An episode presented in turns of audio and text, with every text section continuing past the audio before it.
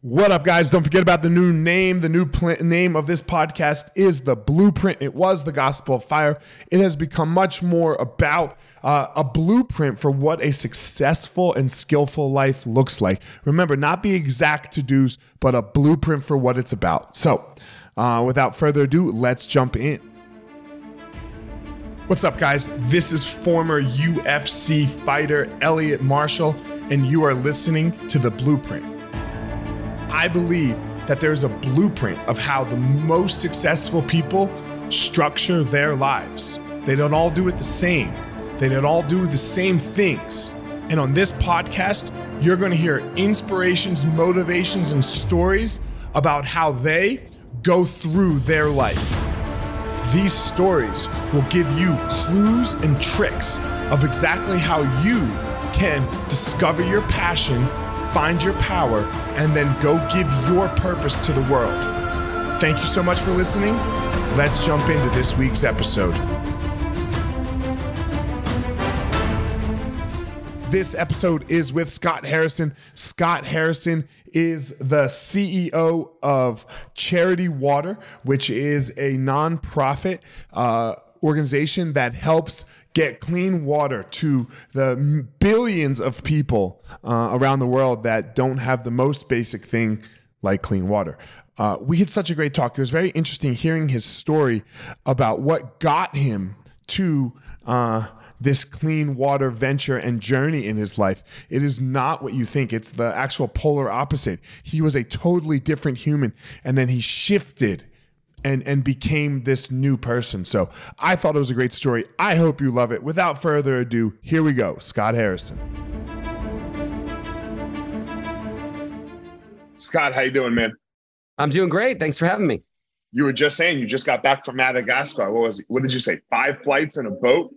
Man, uh, it was two, it was 48 hours of straight travel. Uh, about oh, two my. days out and two days back for four okay. days on the ground. Oh, so yeah, I'm I'm not sure whether I'm coming or going, but it was uh, it was great to be back out in the field, you know, after COVID, and it was uh, it was my 72nd country, so I, I hadn't picked up any new countries for a while with COVID, so it hmm. was great to be back out uh, in a, in a new place. Was this your first trip post COVID? No, uh, but first pick the first trip back to Africa post COVID. Okay. I've, I've, I've, been flying a lot uh, this year. I probably probably have 50 flights in already this year, but um, okay, and a, and a bunch internationally, but not not specifically to Africa. Got it. So, Scott, I do very little research about my guests before oh, good. we do the podcast because I like to do this kind of natural progression with the listener. I think I do a better sure. job that way. Um, I'm so, a zookeeper. You know that, right? no. That's why I was in Madagascar trying to catch lemurs. No, I'm just kidding. I was like, wait a minute, man. the whole bio Dude, the first the first zookeeper I have on. No, I'm just kidding. Yeah. So um well, I mean, that was an opportunity. I probably could have taken good. a whole nother yeah, life yeah. here. I, I oh my go, gosh. You, you, you, just threw me off I, there for I wish I wish I knew that. I could I could be anybody. you could. You could. What I know about you is you're about water and water uh, and clean water. Africa is obviously a, a major uh, area that that yeah. uh, that is in this this fight for clean water. So, yeah. Um, tell us about this it. desire. Yeah, you know, tell us about this desire for you and and uh, why water. sure. Um, well, I've been at this for 16 years now uh, through an organization I started called Charity Water. Uh, not very creative in the naming, but at least it's clear. We're a charity that helps people get water. um, I, if, if you back up a little bit more, uh, I was a nightclub promoter for 10 years in New York City. So I was throwing fashion parties and, you know, flying around the world on private planes and trying to chase sex, drugs, and alcohol. And, you know, got to a pretty lonely, destructive place at 28 years old, you know, where I'm smoking two packs a day of Marlboro Reds and I'm, you know, sleeping till noon, you know, after uh, doing Coke till 5 or 6 a.m. Right, right. And had a pretty radical life change where I, I sold everything I owned, asked myself the question, what would the actual opposite of my life look like? You know, if I did the opposite of everything I thought and hold said, on, hold on, stop, stop, stop. We we we got to go back. So you are a nightclub owner and promoter, partying like a rock star, and now you're now you're uh, a, a charity guy for water. Yeah. What ha- what happened? You know, if I go back even farther, I was uh, I was brought up in a very Christian family. I was an only child. My mom was an invalid, so I was in a caregiver role uh, from a young age. And you know, if you'd asked me growing up what I was going to do, I would have been a doctor uh, or a pastor. You know, probably, and and helped. If I was a doctor, I was going to help sick people like my mom. Okay. Um, 18 happened, and then I live out the most boring cliche prodigal son story. And I'm like, hey, I, you know, I'm still a virgin. I don't drink. I don't smoke.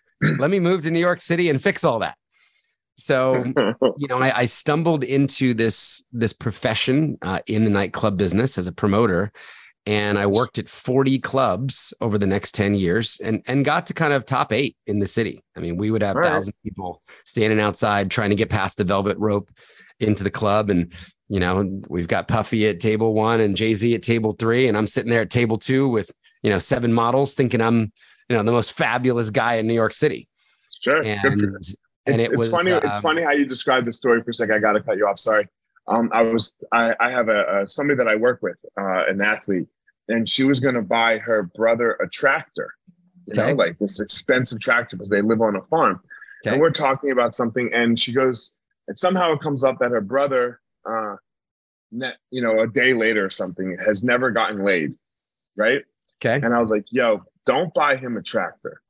And she's like, why? I'm like, because uh, he thinks he likes farming right now, but he hasn't gotten any pussy yet. And once he does, that Oh, might wow. change his life, right? Like that, that might like like you, right? Like you moved in, you're you're over here doing one thing, and then you moved to New York City, and you're like, yo, my life has changed. So it just reminded me well, of that I kind of went the opposite way. So I, right. I chased uh, I chased that for 10 years and right. you know just wound up uh, so I had some health issues at 28 maybe uh, you know, specifically half my body inexplicably went numb one day. And uh, you know, I remember my my business partner's like, "Bro, you know, you do coke, ecstasy, MDMA, you smoke 40 Marlboro Reds a day, and you know, you sleep like crap. Like, no wonder your body's breaking down. You know, Yeah, there's no big yeah. mystery here. But I was kind of convinced, Elliot, that you know I had a, a brain tumor or some sort of. Um, th- th- this was the trigger of mortality, if I'm really honest, because I'd been living like I was going to live forever, only for myself, uh, only for pure hedonistic pleasure. And you know, you asked the question at 28. Well, like, what if I died in a month? What's going to be on my tombstone? Uh, what what would my legacy be? And the only thing people would say is, you know, here lies a man who's gotten a million people drunk or worse. And, you know, I realized in that moment how far I'd come from the spirituality that I'd been brought up with, the morality. You know, I'd said goodbye to all of that. And that set me on kind of a six month journey to radically change my life. And and I'm I'm a pretty extreme person, so I think I realized a pivot was not needed. This is not a small course correction to go from degenerate club promoter to anything else. And my big idea was what if I sold everything I owned and volunteered on a humanitarian mission for one year? And you were doing well, I'm assuming, as a club promoter. Like, Yeah, we were doing fine. Yeah. Right. You know, the idea was uh, kind of tithe this this biblical idea that I've been brought up with. Give one, give ten percent of the time that I'd selfishly wasted, and see if I could be useful. So I initially applied to twelve organizations. Uh, Save the Children, Doctors Without Borders, World Vision, you know, these the Red Cross. Mm-hmm, Uh, and nobody would take me. And nobody, nobody was interested in a nightclub promoter on their serious humanitarian mission. So I was really the only group that took me was a group that operated a hospital ship off of the coast of post-war Liberia, West Africa. So this is a country I never even heard of at the time. And I had to pay $500 a month to join the, the mission. I'm like, this is pretty opposite. It is literally the poorest country on the planet. Uh, I have to pay them to show up and serve, and I'm in. And I joined them as a photo, uh, as a volunteer photojournalist. I was always a pretty good hobby photographer and writer, and that changed my life. So that that one year turned into almost two years in West Africa, where I saw all sorts of massive poverty uh, in a post-war 14 years of war had left the country with no electricity, no healthcare facilities, no water systems, no sewage or sanitation systems. Uh, there was one doctor, just to give you a comparison, for every 50,000 people living in the country. In America, we have a doctor for every 300 of us. So when you got sick, you were just out of luck. And our doctors were helping as many people as we could. But when I went into the villages, I saw human beings drink dirty water for the first time in my life. Um, I saw a child drink from a green, nasty swamp covered with bugs and crawling with bacteria. And in contrast, you know, I had just been selling $10 bottles of water in my clubs to people who wouldn't even open the water because they were drinking vodka or champagne. Mm-hmm, mm-hmm. So it was really the discovery through the lens of medicine, through the lens of these doctors, that one of the biggest health crises in the world was at the time the billion people who were drinking disgusting water every day. The billion people who were literally literally poisoning themselves with contaminated water. So that was really my jump to the issue. After two years with these doctors, I come back to New York City. I'm 30. Uh, I was completely done with the clubs and said, you know, I'm going to start an organization that brings the entire world clean water or die trying. And there were a billion people to go. Wow. That was 16 years ago. 16 years ago.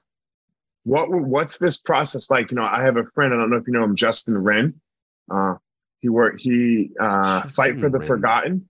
Uh, yes, he's a yeah. MMA fighter, right? Yeah. So he and I. Yeah, he came into my office once. Time. Yeah, nice yeah, guy. He, he, and I know each other well. Uh, we, yeah. we trained together for a while, and he has, uh, you know, fight for the forgotten with the pygmies, where he tries to yep. build water wells for them. Yeah, uh, absolutely. We work in that country, Central African Republic. Yeah, I, I, know who you're talking about. Yeah. He's a good guy. What is it like to do this work? Well, you know, if I kind of fast forward, um, you know, the organization now, you know, will raise over a hundred million dollars a year. We work in 29 countries. Uh, we've got about 2,000 people in the field that are constructing uh, any number of different water projects. You know, ranging okay, from a thirty dollar filter to a three hundred thousand dollar system. So okay, we're solution agnostic, what, 14 different technologies. What was it like to start this work? I, I want I want to change my Well, it started in a nightclub. So I love I love talking about the origin. The only thing I knew yeah. how to do was to throw a party. So I just threw a party, charged everybody a $20 donation to get in. And our first night of charity water, we raised $15,000. Um, I had promised when I'd started the charity that we would always use 100% of all donations the public ever gave to directly fund clean water projects. And in a separate bank account, we would raise all the overhead separately from a small group okay. of business leaders. So that was a really unique model 16 years ago. No one else was doing that, where you could say to somebody, Hey, you want to give 50 bucks? All 50 will go right to help somebody get clean water. You want to give 5 million bucks? All $5 million will go. There's no overhead, no staff salaries, no office rent, no toner for the Epson copy machine.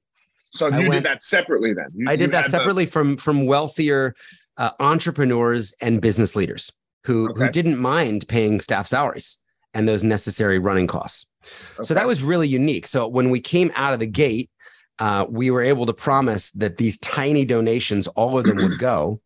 And then the second pillar of the organization became to prove where the money went.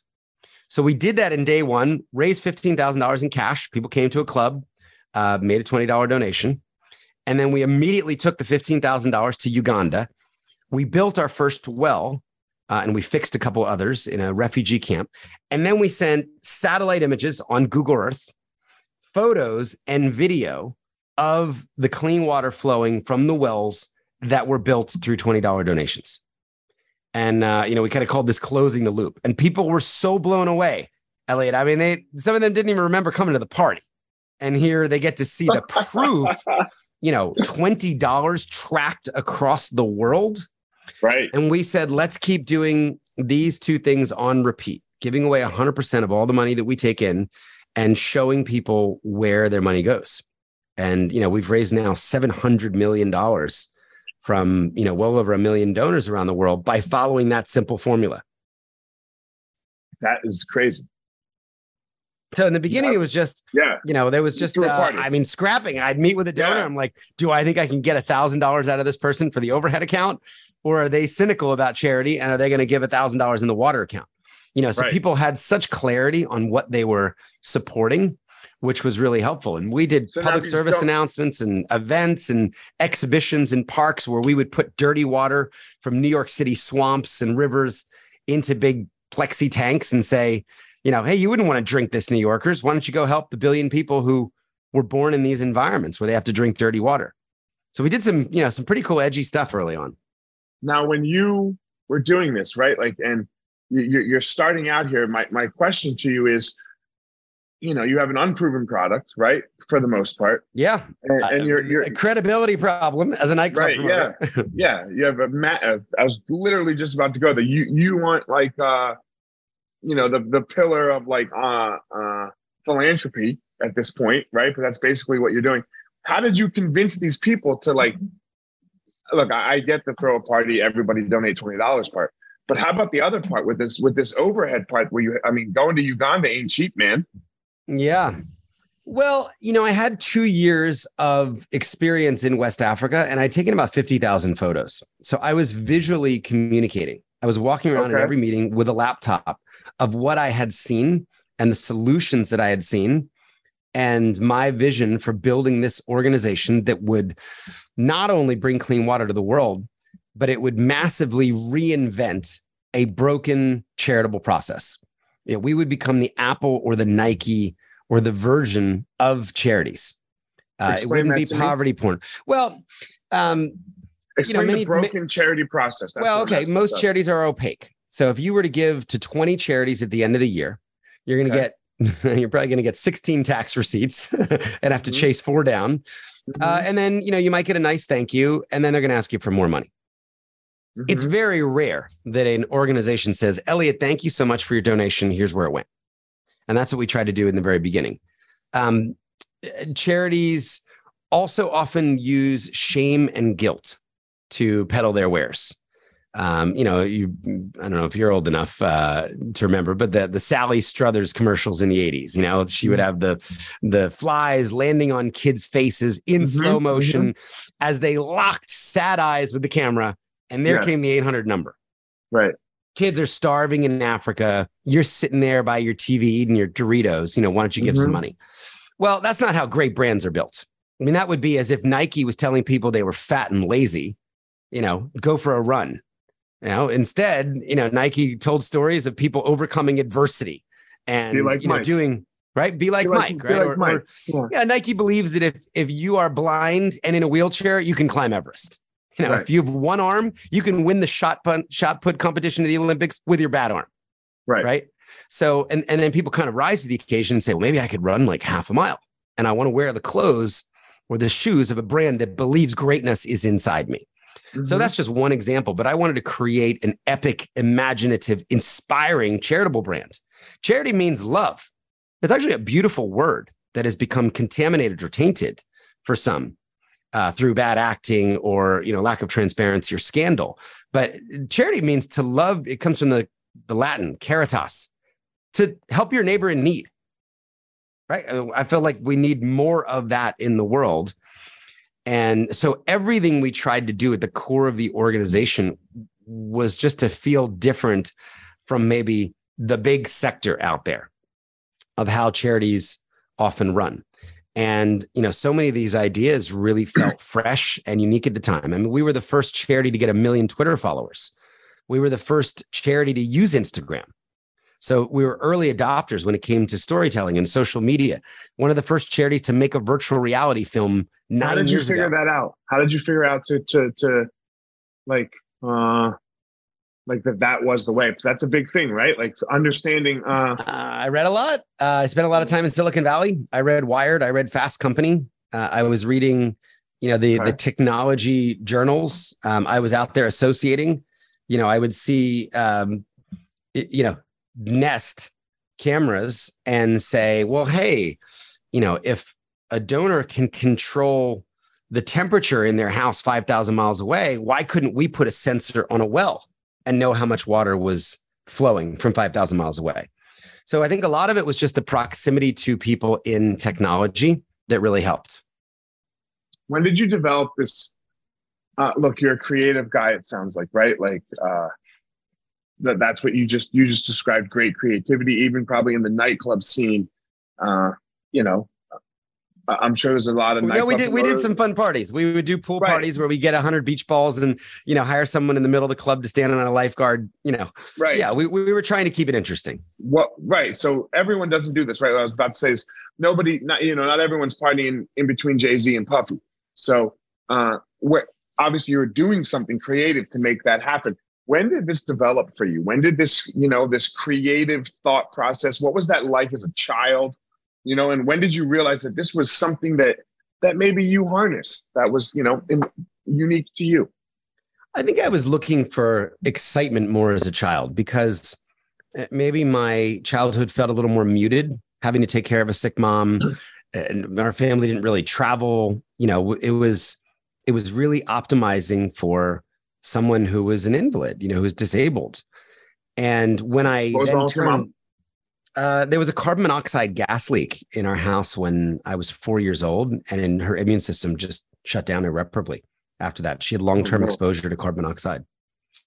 So I think at 18, you know, I had this independent moment. Well, I want to go to Paris, you know, I want to go to London. I want to have new experiences. I want to break the rules and and see what that feels like. Um, so I think I just started creating so many new experiences uh, based on who I was, and I don't know, you know that that carried carried its way for ten years, and trying to, you know, also look, nightclub can be pretty boring, bro. I mean, the DJ is playing the same set, you know, kind of every night, right? You know, and you're having the same banal conversations over and over again. You're yelling over loud music. I mean, it's this is not great. in- yeah, this is not great intellectual, uh, rigorous conversations happening at like Sure. one to four in the morning. Okay. So, you know, I think I was so bored. I was always trying to keep the clubs interesting for me and trying to bring any level of creativity to that. Um, and then when I started Charity Water, you know, I'm a very visual communicator. So I, I, I always kind of walked around with a camera, and it's just much easier to show someone than to tell them. So I, I don't really know like where the creativity came from. I wouldn't call Look, I my just parents very, I wouldn't call my parents very creative people. Very strong just- people, high integrity people, but not kind of creative. look i'm not creative at all so that i mean uh and, and that's okay i just think one of the important things and one of the lessons of the, of the podcast or the things that i really try to portray here is like you got to find your thing like what, what what is it about what is your thing Yeah. and, and then and then go make that happen Yeah. right because everyone get we, we get stuck in this like oh this is how so and so's done blah blah blah right you you Yeah. you scroll Yeah. social media right so you you were able to What- harness your thing But the thing, Elliot, I think was promoting. I was good at getting, I was good at transferring enthusiasm to strangers, I guess you could say. And Okay. you know, I think I channeled that promoting, and I promoted the wrong thing for 10 years. I promoted the idea that if you got past the velvet rope and you sat at the best VIP table and you spent $25 on a cocktail or $1,000 on a bottle of Cristal and you left with a pretty girl or a pretty guy, you know, who maybe wasn't your your partner even, uh, then your life had meaning. You'd arrived, and you know that's a pretty empty. You know, I saw a lot of wreckage after ten years of that. Um, for the last sixteen years, I've been promoting something which is far easier. Right? Hey, humans need clean water to flourish.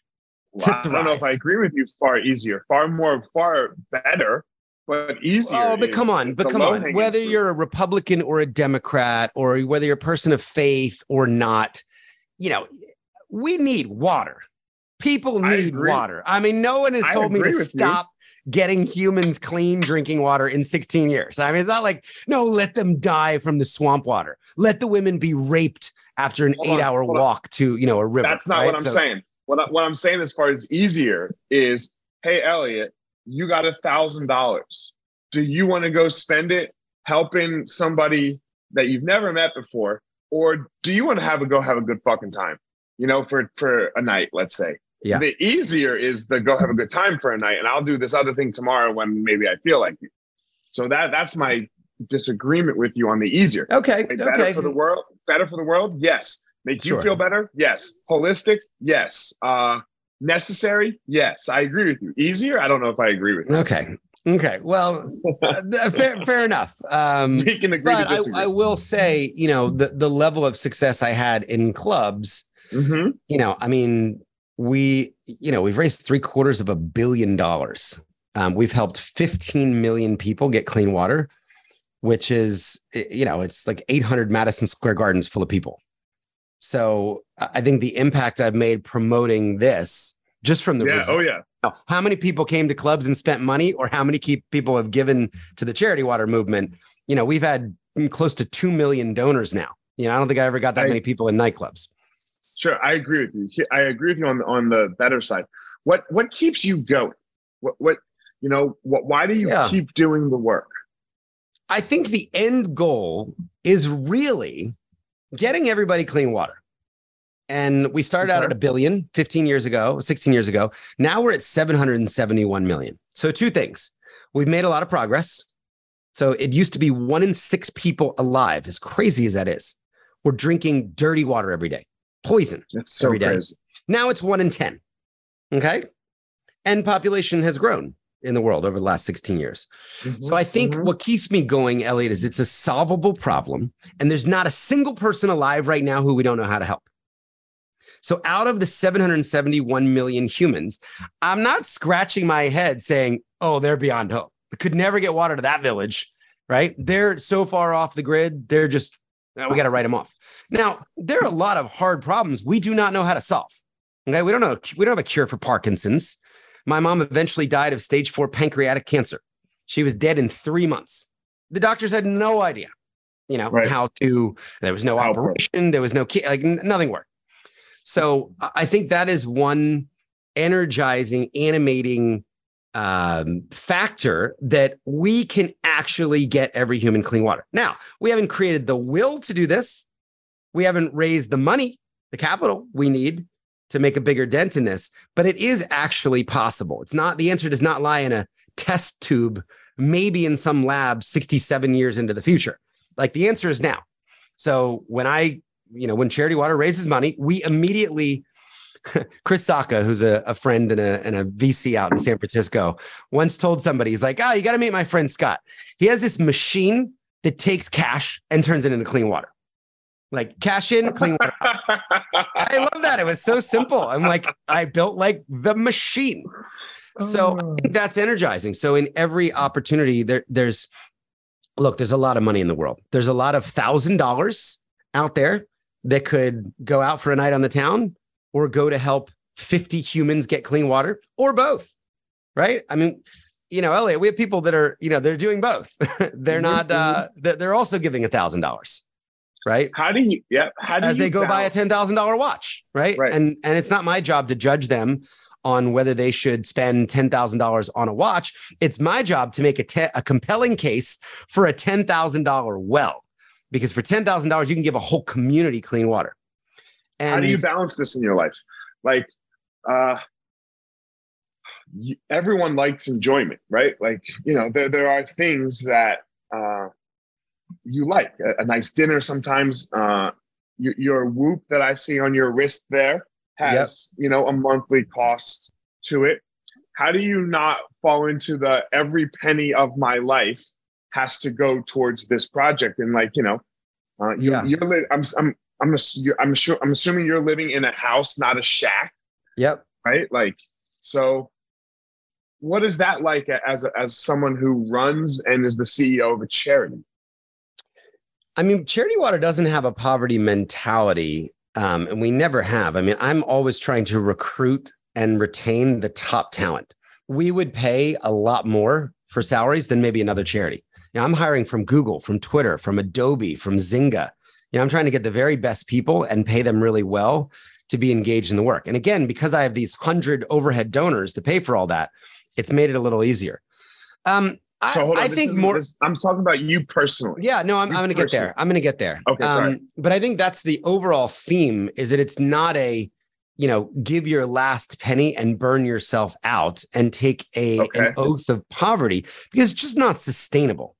You know, Right. LA, like if I'm paying someone 20% of a living wage, they might try it for three months and then they're going to churn.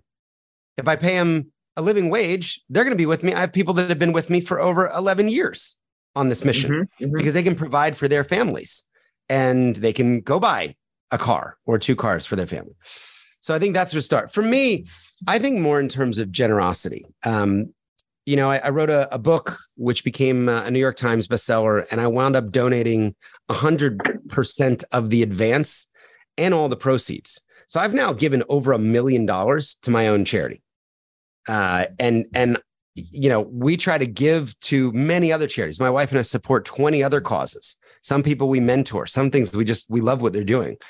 So I, I guess I've never really, I'm just not wired that way. I'm pragmatic, you know, um, and but I also live a pretty modest life. I mean, I I fly coach. Know, I've never bought a business class ticket with Charity Water's money, and I've done How over big- 1,700 flights. How big are you? I'm six one. Yeah, so it sucks. You know, doing Yeah. 14 hours on Ethiopian Airlines, uh, it sucks. But Yeah. you know, the stewardship value is really important to me. You know, the Okay. difference between a coach ticket and business class is a well. And you know, n- nor nor has any other executive at Charity Water ever ever flown business. Um, now, if will I upgrade sometimes on my own dime? You know, to get there and make a speech after a red eye in front of 15,000 people? Sure. Sometimes I will pay for that personally you know, to try to get some sleep so I can show up in, in front of a live audience and be, you know, m- more engaged and more dynamic and less jet lagged. Sure. But yeah, I don't, I don't know. I try to be generous. My wife and I try to give, you know, 20% of our income every year uh, to charity water and, and our, our faith community and some of the other great causes we support. And um, I don't know. Uh, I mean, I drove Look, it's just a question. It's a like question. years. Yeah. It's a question that I have because uh, you know I the industry that I'm in where I make my money is martial arts, right? And we don't we don't sell martial arts, right? Like like martial Yeah. arts is the vehicle we use. What we sell is a better life. Yeah. You know, you'll you'll feel better. You'll have a community. You'll you'll uh, go out into the world better. And sometimes, right? Like uh, you know, uh, people see you making money. For example, it is still a business for me. Mine's not a charity at all. You know, so sometimes in intertwining the two, it's like, well, you know, it's like, wow, you're selling me a better life. How much are you allowed to make? And it's like one of those things where, you know, it's just a balance you have to find and that works for you, Yeah. right? Yeah. So I think I, that's I would right. like to hear. Other, I like to hear other people's uh, that that are in an industry. You know, like uh, uh, look, if if you're if you're Apple, you're you're like people expect Apple to make as much money as possible, and Right. we all know that, right? Like Yeah. we're, we you and I are not in that industry, right? You you even But- more so than me. but we have to be giving, right? So I feel like I can't ask anyone to do something that I'm not willing to do. So Mhm. that's why the the giving is, I mean, generosity is a core value at the organization for 16 years. We are Right. asking people to be generous with their time and their talent and their money because that's our like if other people stop being generous with charity water, like we all go home. Right, We don't have any money. We don't have any clean water projects out there. So I think leading by example is really important. But you know, I'm happy to go lease a Kia Sorento, you know, that costs $39,000 for my wife and two kids, you know, and I don't, I don't need a Mercedes. I don't need a BMW, even if I could afford it. But I also don't feel like I need to go pick up a used car, you know, that's $10,000 cheaper. Mhm.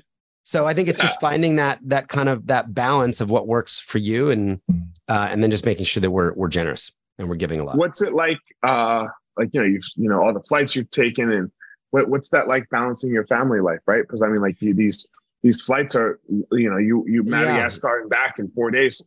Uh, you're jet lagged. You're tired. You just said you have Yeah. kids. How old are your kids? And you know, how old are your kids?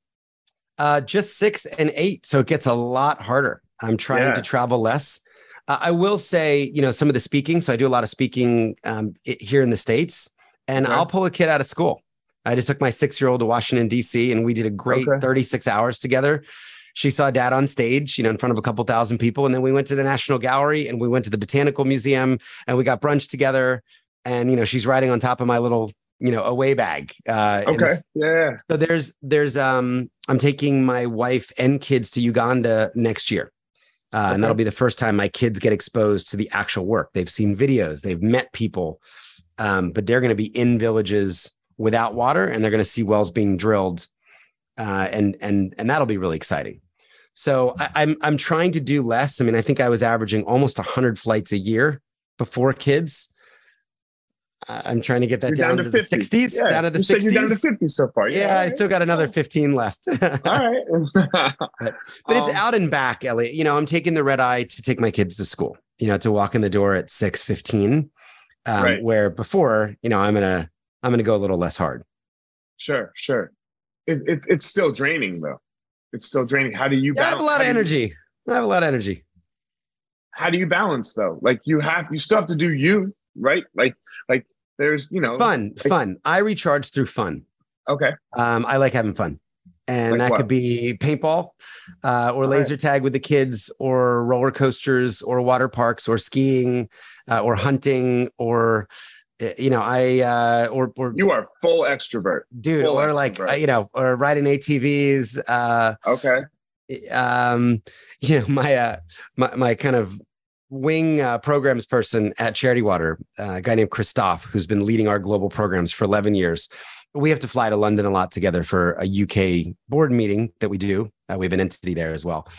And, you know, we would red eye to London and we'd kind of have, you know, nine hours to kill. And rather than sleep, we would go back to back movies, you know, because like we don't really get to go to the movies with our, our, How do you not fall asleep? Uh, we have a couple times. depends on how it depends on the movie and how good it is but Alright. you know kind of looking for you know ways to have experiences you know alongside work as well Okay, got it. um, couple questions here. That i try to like sleep ask. well also elliot i mean the whoop Alright. is really for sleep um I, Yeah. not not exercise it's just trying to get to bed on time you know trying to make sure, Sure. i don't have too many one too many ipas which you know messes with the hrv and. Yes, All the sleep. does. Yes, it does. Um, couple questions that I always ask Yeah. towards you know at the end here. Um, look, I believe everyone uh, has a unique thing about them that that Okay. makes them. And we talked about this a little bit with you already, but I want to hear your full answer here. That they go then give to the world, and then that, that the world gives something Yeah. back to them like a superpower. What's what's yours? I think it's storytelling. and I, I feel like I didn't tell a lot of stories today uh, because we weren't really talking about our work. But I think um, I I love uh, storytelling and promoting. Okay. You know, talking about things that move people to a positive action. You know, in this case, uh, encouraging, inviting them to be generous, inviting them to care for others, inviting them to look at the suffering in their local community and the global community and not just succumb to apathy, but to say, hey, I could do something about that. I could make someone's life better. I could make a community's life better. Um, I can engage in this issue. So I think it's promoting uh, and inviting people to be a part of something that's, you know, that I think is just an awesome idea, you know, and specifically uh, clean water for humans, clean water for For sure. children, clean water for women and girls. Um, this last question, I always struggle asking it, but I uh, to explain it right, so it's not like oh tooting Elliot's horn or whatever. Yeah. But um, there's a lot of places that you go to that can that that could probably do a really good job, a much better job than coming on this podcast, for example, to to promote clean water, right? Like I do not have some massive reach like Tim Ferriss or or one of these or Lewis Howes, one of these massive podcasts, Yeah. right? Where a lot of rich entrepreneurs are listening and they're gonna be like, oh shit, okay, yeah, I'll go give to Scott's charity now. So why did you decide to do this one? Because I, I mean, I don't know. I don't Yeah. I don't know if you're gonna get any money from it, like or or, It- or anything. It's really the seeds principle, Elliot. You know, I think Mhm. there are people listening that have never thought about the water crisis or or 10% of the world, you know, who's out there drinking dirty water every day. Uh, therefore, you know, potentially dying. And, you know, a million people die from this issue every year. That's like seven jumbo jets every single day with no survivors, right? Just imagine like debris and bodies everywhere. That's what the water crisis is doing to over a million people a year. So I, I you know, I've had so many experiences where I'll just give you one experience. Um, I spoke at a conference once. I'll give you two stories. Spoke at Mhm. a conference once many years ago, and you know, there wasn't a lot of money raised. There were a couple people in the audience that did ten thousand dollars, right? One water project. And then seven years later, someone who was in the audience um, gave $10 million and had sold their company shit. and said that speech, that story left such an impression that they went home and said to their wife, you know, if we ever have money, I'm going to do this thing. And their giving went from 10,000 to 10 million, but it took seven years. I spoke uh, at a at a church once in Miami, low income neighborhood. It was a favor to the pastor, and I did four back to back services. When you talk, when you say the same thing for four hours in a row, you're white. I mean, you hate the sound of your own voice. You Uh-huh. hate yourself. You know, Uh-huh. a lot of respect for pastors that have to do a lot, and and nobody gave any money. Nobody gave any money, and I remember just thinking, man, it's like a Sunday. I, I'm burned out. I'm tired. I got to go back to work tomorrow morning. Five years later, a hundred and fifty thousand dollar check arrived in the office, and it turns out that there was someone sitting in one of those four services that was so moved, he went home and he changed his will, and five years later, he died of cancer, and the estate sent one hundred fifty thousand dollars. Well, this gets better. His daughter, you know, and and I think uh, daughter and another uh, child turn up in New York. Like, who is this charity? Like, is this even legit? Right? And they came in the office, uh, and then they learned about our story and what had compelled their father, and they've now given over a million dollars. So you never know, Elliot, who's listening, and if you play the long game, you know some of these seeds will grow into real impact. Yeah, maybe there's someone listening that's like, man, a, a nightclub promoter can go raise like seven hundred million dollars for some cause. Well, I'm passionate about something else. Like maybe I could go start something, you know, or, uh, around sex trafficking or hunger or you know healthcare or whatever issue Mhm, they're passionate mhm. about. So I just uh I don't know. I think it's you know 45 minutes well spent. Hopefully. Uh, look, I just I think we get so wrapped up in the I'm busy, my time. Yeah. Got to be and I've done and. I've done Lewis Howes and you know, Bill Simmons and you know I've done podcasts that have raised a million dollars instantly Sure. where their audience is so big and people kind of jump on and say wow we can do this um Right. I um yeah I mean I think it's you invited me so I said yes Look, it's just something that I like to ask because because I think uh, we, we're we get too protect, protect uh, excuse me protective of oh my time. I, I need like it needs to have an ROI, right? The, like this idea of an immediate ROI. And a lot of it comes from social media, right? Like, okay, I put a post out, I want a hundred likes in this amount of time, da, da, da, da. and it doesn't. The world's never worked like that, right? It's never. It's it's always been Yep. more of put it out there, let it grow. You know, There you let go. it let it grow. So I just like people. I like to hear. I like my audience to hear other people's reasonings for doing things. Yeah and I think you're supposed to be you know you're supposed to be generous with your time now I you know Mhm. I'll probably get a hundred requests so I Right. we obviously can't do everything so I don't want this to turn into like a but um you know you're you're also thinking about how do you use your time in the best Right. service of the mission right Sure. which in our case is a is a noble mission and then how do I show up and be a great husband and a great father you know I'm I got to Yeah. take my kid to piano tonight and baseball yesterday yeah, so there's Yeah. there's a lot to juggle but I'm, I, agree. appreciate you having me on Tell everyone where. Look, if if anybody, uh, all of my millionaire donors, let's go. Come on, Well, this is the web. This is I, am can I'm boring on social media. I post like once a month, and it's typically a, Okay. a family something. Um, Charity Water, uh, we're on social media, and then just charitywater.org. Um, Okay. We also have an amazing community, so you don't have to be a millionaire to join Right. what we call the Spring. And Okay. think of this as like Spotify or Netflix for clean water. Uh, people give Got it. whatever they can every month. We show them where 100% of the money is going. Uh, there's really cool dashboards and trackers that we built inside uh, the spring. And we've now got about 70,000 people who show up uh, giving 10, 20, 30, 40 a month uh, every, and, and that's really where a lot of the growth and the impact. So you could go to the, And that's charitywater.com. uh, no, uh, go to the spring.com. There's also a video. There's a video there that's gotten over 100 million views. So if you want to learn Okay. more about our story, it's a short video um, where you can see some of the images of wells being drilled and what it's like to to not have clean water. Um, Alright. The video the video is also called the Spring. So yeah, that's a great place. Thespring.com. Uh, of course, we would love to invite anybody to to learn more about our work and and to join what's a, a pretty incredible community. Scott, thanks so much for coming on, man. I really appreciate it. Thanks Um, for having me. Guys, of course, guys, as always, don't go out in the world and try to be Scott. He has his unique and special power that he gives to the world. Don't go out, excuse me, don't go out in the world and try to be me. I got my unique thing that I do. Go out in the world, everyone, and find your own power. Thank you so much for listening to this week's episode. I hope you found something useful that you can take and implement into your life.